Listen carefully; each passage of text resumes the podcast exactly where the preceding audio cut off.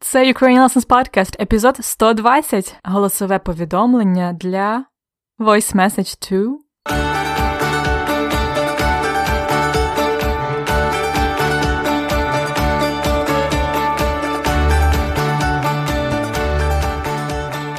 Привіт-привіт!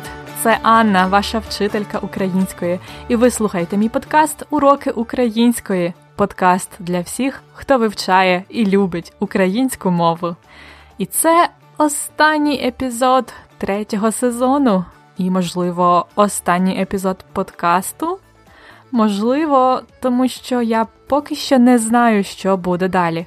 Чи буде сезон номер 4 подкасту, чи буде щось інше, чи буде новий подкаст. Чесно кажучи, зараз я ще не знаю. І тому мені потрібна ваша допомога. Мені важливо знати вашу думку. Будь ласка, розкажіть мені, що вам подобається, а що вам не подобається в подкасті, що ви хочете зберегти, а що додати. Чи хочете ви четвертий сезон, чи, можливо, щось інше від уроків української, якісь інші матеріали?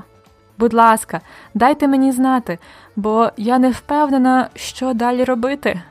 Пройдіть, будь ласка, опитування про подкаст.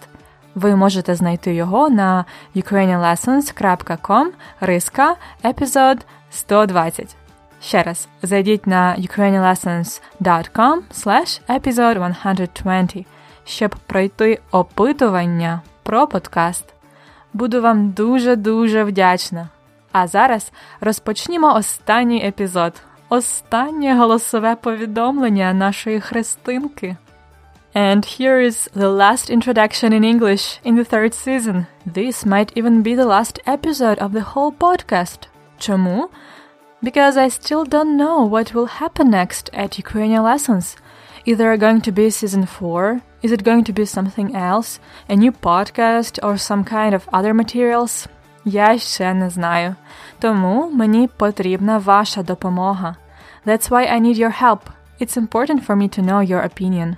Please tell me what you like and what you don't like about the podcast, what you want to keep and what to add. Would you like the fourth season or perhaps something else from Ukrainian lessons, like some other kind of materials? Let me know because I'm not sure what to do next. Please take the survey about the podcast. You can find it at ukrainianlessons.com slash episode 120. ukrainianlessons.com slash episode 120. Take the survey about the podcast. Буду вам дуже-дуже вдячна. Ну а тепер розпочнімо цей урок повторення. Як завжди, кожен п'ятий епізод це голосове повідомлення Христини мамі в Америку. Але ж зараз Христина вже в Америці. У минулому епізоді вона збиралася їхати в аеропорт. Тому сьогодні Христина записує голосове повідомлення не мамі. А кому? Як ви думаєте? Звичайно, ви знаєте відповідь на це запитання, якщо ви слухали попередні епізоди подкасту. Отже, зараз влаштовуйтеся зручніше, make yourself comfortable, влаштовуйтеся зручніше і слухайте останнє голосове повідомлення Христини. Якщо у вас є конспект уроку, відкрийте, будь ласка, другу сторінку і під час прослуховування заповнюйте пропуски дієсловами. If you have the lesson notes, open the second page and while listening, try to fill in the blanks by verbs. We will do this exercise all together after we listen. Добре? Готові починати? Слухайте!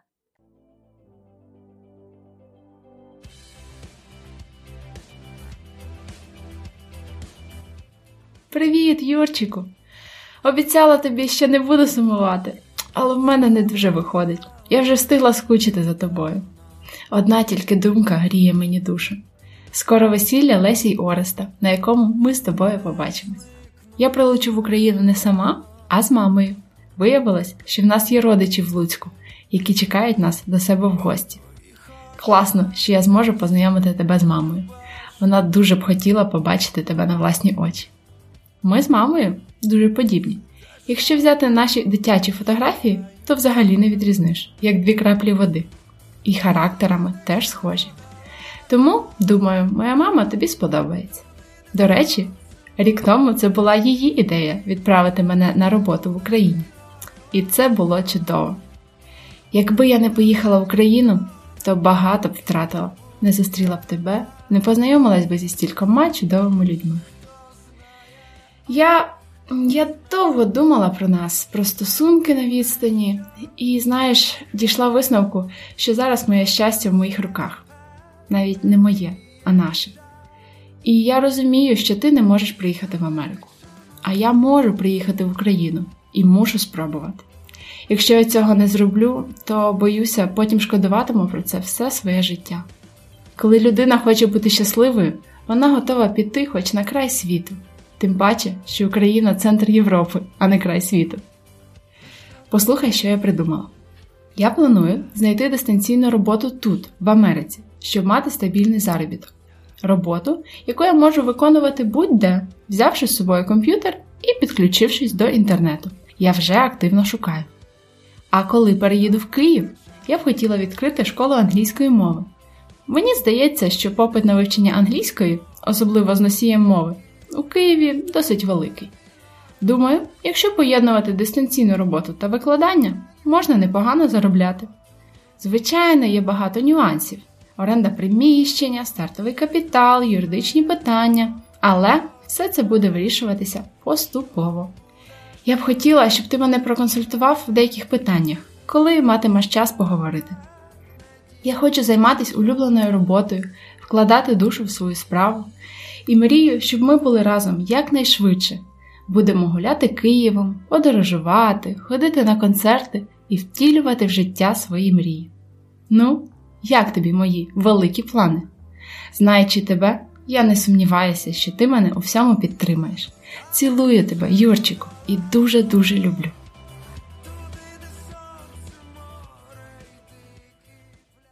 Ось так. Ось таке останнє повідомлення від Христини. Такі новини від неї. Досить хороші новини, правда? Христина має великий план, тому що вона не хоче прощатися з Юрком назавжди. Добре, а зараз я буду ставити вам запитання, а вам потрібно буде продовжити відповідь.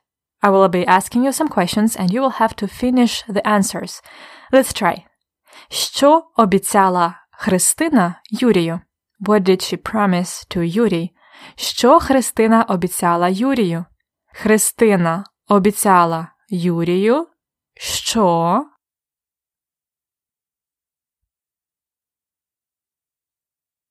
Христина обіцяла Юрію, що не буде сумувати. She will not be sad. Сумувати.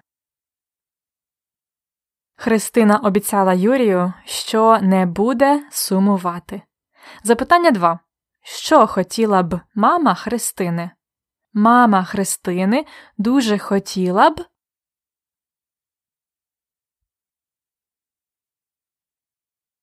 Отже, мама Христини дуже хотіла б побачити Юрка на власні очі. Мама Христини дуже хотіла б побачити Юрка на власні очі. Вона хотіла б. She would like conditional mood for expressing a wish. Вона хотіла б побачити Юрка на власні очі. Запитання 3. Що було б, якби Христина не поїхала в Україну? Відповідь: Якби Христина не поїхала в Україну, if she hadn't gone to Ukraine, вона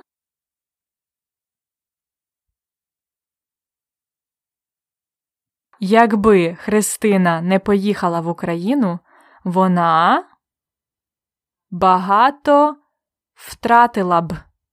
Вона багато втратила б. Вона не зустріла б Юрка, не познайомилася б зі стількома чудовими людьми. Пам'ятаєте, якби? Якби is an if in the unreal condition.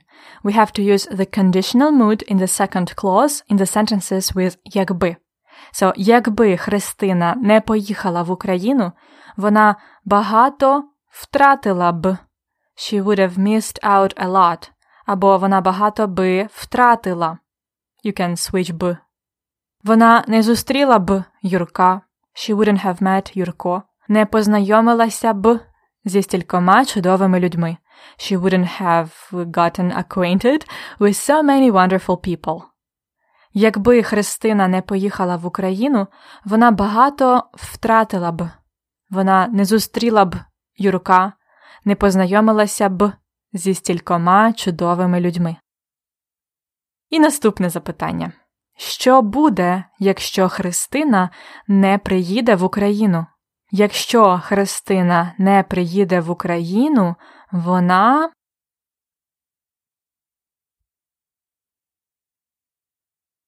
Якщо Христина не приїде в Україну, вона шкодуватиме про це все своє життя.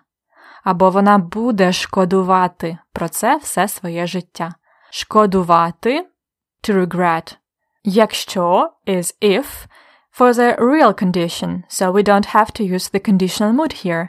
Якщо Христина не приїде в Україну, if she doesn't come to Ukraine, we use the future here in Ukrainian because it is the future, right? Якщо Христина не приїде в Україну in the future, вона шкодуватиме або вона буде шкодувати про це все своє життя. She will regret it all her life. Якщо Христина не приїде в Україну, вона шкодуватиме про це все своє життя. Христина каже: коли людина хоче бути щасливою, вона готова піти хоч на край світу, тим паче, especially, тим паче, що Україна це центр Європи, а не край світу. Ukraine is not the edge of the world, не край світу, це центр Європи. It's the center of Europe. Далі Христина розповідає свій план.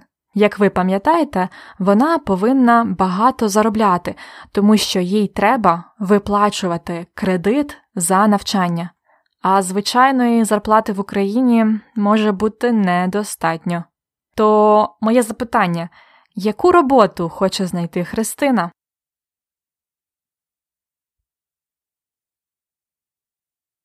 То яку роботу вона хоче знайти? Христина хоче знайти дистанційну роботу. Що це таке? Що це дистанційна робота? Дистанційна робота це робота, яку Христина може виконувати будь-де, взявши з собою комп'ютер і підключившись до інтернету. Пам'ятаєте ці форми дієслів взявши і підключившись. Це дієприслівники adverbal participles. We've talked about them in the episode number 107. Взявши, literally having taken. Взявши or by taking. Підключившись is having connected or by connecting. Отже, дистанційна робота це робота, яку Христина може виконувати будь-де взявши з собою комп'ютер і підключившись до інтернету. Наступне запитання: Що хотіла б відкрити Христина в Києві? Коли Христина переїде в Київ, вона.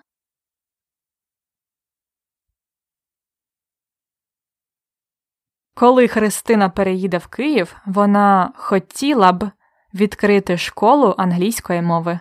Хотіла б це знову умовний спосіб, це її бажання. Вона хотіла б або вона б хотіла відкрити школу англійської мови. Христині здається, що попит на вивчення англійської the demand for studying English попит demand, особливо з носієм мови.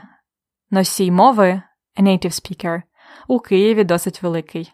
І якщо поєднувати дистанційну роботу та викладання, можна непогано заробляти. Хоча, звичайно, є багато нюансів. Нюанси things to take into account.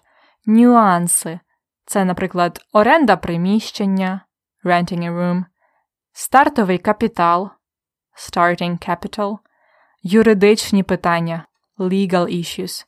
Але це все буде вирішуватися поступово. All this will be solved gradually. Поступово. Отже, є багато нюансів: оренда приміщення, стартовий капітал, юридичні питання, але все це буде вирішуватися поступово. Юрко допоможе Христині. Бо Христина хоче займатися улюбленою справою, вкладати душу у свою справу. Бо про що мріє Христина? Це останнє запитання до вас. Про що мріє Христина? Христина мріє, щоб вони з Юрком.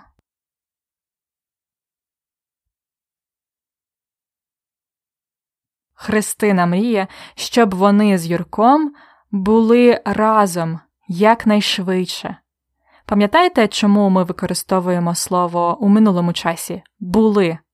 Тому що ми маємо щоб і два різні підмети.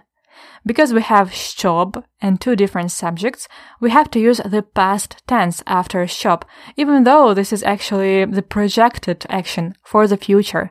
Христина мріє, щоб вони з Юрком були разом якнайшвидше, якнайшвидше, as soon as possible.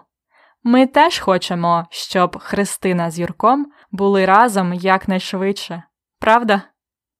Ось такі у Христини великі плани. А знаючи Юрка, knowing Юрко, it's another adverbal participle, дієприслівник, знаючи Юрка, ми не сумніваємося, we have no doubt, що він підтримає Христину, that he will support Христина. Знаючи Юрка, ми не сумніваємося, що він підтримає Христину. Ось так. Здається, це, як кажуть англійською, happy end щасливий кінець. Було б чудово, щоб Христина і Юрко були разом. А зараз послухайте ще раз голосове повідомлення.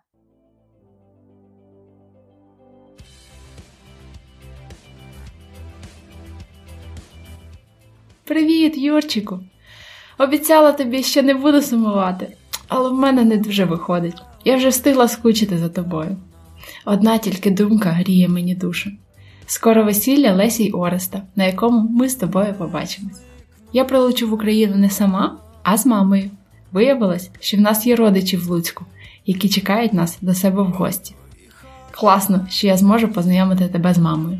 Вона дуже б хотіла побачити тебе на власні очі. Ми з мамою дуже подібні. Якщо взяти наші дитячі фотографії, то взагалі не відрізниш, як дві краплі води. І характерами теж схожі. Тому, думаю, моя мама тобі сподобається. До речі, рік тому це була її ідея відправити мене на роботу в Україні. І це було чудово.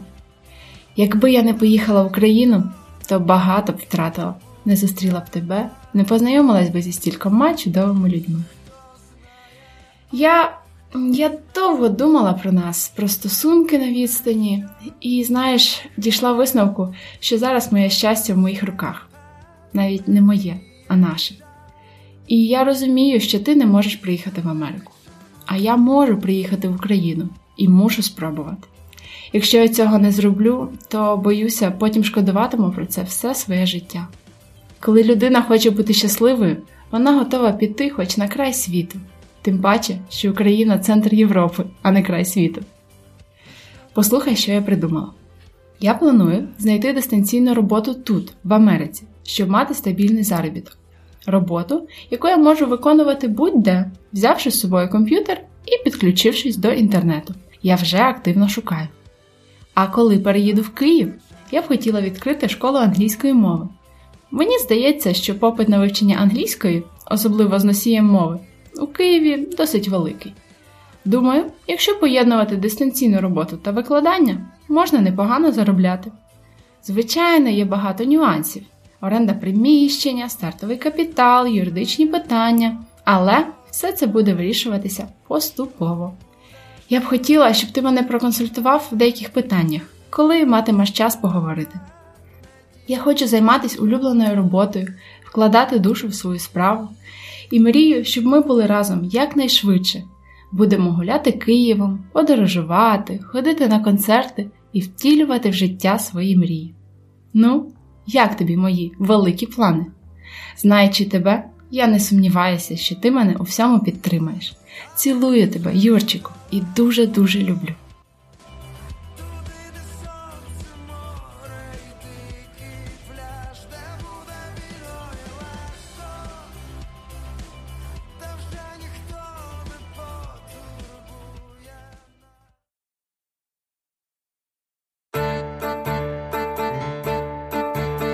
Дієслово дня.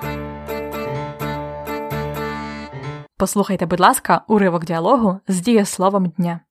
І мрію, щоб ми були разом якнайшвидше. Будемо гуляти Києвом, подорожувати, ходити на концерти і втілювати в життя свої мрії. Христина каже: Я мрію, щоб ми були разом якнайшвидше. Будемо гуляти Києвом, подорожувати, ходити на концерти і втілювати в життя свої мрії. Втілювати в життя мрії. Пам'ятаєте мрія з попереднього епізоду? A dream as a wish. Мрія. Втілювати в життя мрії. Дієслово дня втілювати або утілювати означає to embody, to impersonate. Тіло is a body. Або воно теж означає to realize, to implement. We often use an expression втілювати у життя, to implement to life, to realize, like втілювати в життя мрії. Another expression is втілювати в собі, to embody in yourself, to be the embodiment. Наприклад, прапор України втілює в собі синє небо і жовте поле пшениці. Втілювати це недоконаний вид. Втілити доконаний вид. Втілювати втілити. А як буде в теперішньому часі втілювати? Я що роблю? Втілюю. Він втілює. Ви втілюєте. Це перша дієвідміна. Ми втілюємо. Ти втілюєш. Вони втілюють. У минулому часі у недоконаному виді. Вона втілювала свої мрії в життя. У доконаному виді вона втілила свої мрії в життя. Наприклад, Джордж завжди втілював свої мрії в життя. Завжди. І минулого року Джордж втілив свою мрію в життя. Він побував в Україні. Це була одна мрія, і він втілив її в життя. Доконаний вид. І майбутній час недоконаний вид я буду втілювати. Ти будеш втілювати. І так далі. Майбутній час доконаний вид я втілю. Ти втілиш. Це так, як друга дієвідміна. Він втілить. Ми втілимо. Ви втілите. І вони втілять. Минулого року я втілила в життя свою давню мрію. Я побувала у Південній Америці. А ви, яку мрію ви втілите цього року? Фразологізм дня. Послухайте, будь ласка, уривок діалогу з фразеологізмом дня. Одна тільки думка гріє мені душу. Скоро весілля Лесі й Ореста, на якому ми з тобою побачимось. Одна тільки думка гріє Христині душу. Скоро весілля Лесі і Ореста, на якому вони з Юрком побачаться. Only one thought warms Christina's soul. The wedding between Lesia and Orest. Фразеологізм дня гріти душу. We've already had one idiom with душа soul on the podcast. It was вкладати душу, to put your soul, your heart into something. А гріти душу означає literally to warm up the soul, to make happy, to bring joy, to cheer up. Одна тільки думка гріє Христині душу. Скоро весілля Лесі і Ореста, на якому вони з Юрком побачаться.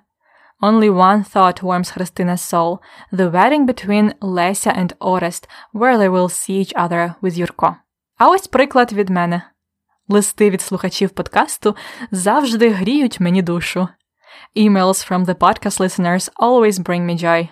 Листи від слухачів подкасту завжди гріють мені душу. Тому пишіть мені частіше.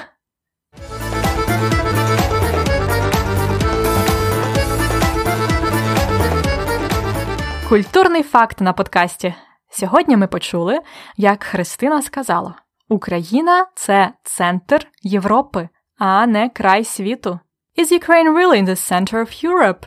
Many people, especially non-Europeans, would imagine the center of Europe to be somewhere in Germany or somewhere in the middle between Paris and Prague. But remember that the European Union does not equal Europe. In fact, the geographical center of Europe might be located in the western Ukraine, at the Ukrainian-Romanian border in the village called Dilova. Well, this is just one theory among many others. Some other possible geographical centers of Europe include spots in Estonia, Belarus, eastern Poland, and Hungary. Anyway, all those possible centers are quite close to our country, which makes Ukraine, geographically, more in the center of Europe than on its far east. Just something to keep in mind for the context of Ukraine's history and future. Another interesting geography fact to keep in mind is that Ukraine is the second largest country in Europe after Russia. Ласкаво просимо до України, країни в центрі Європи.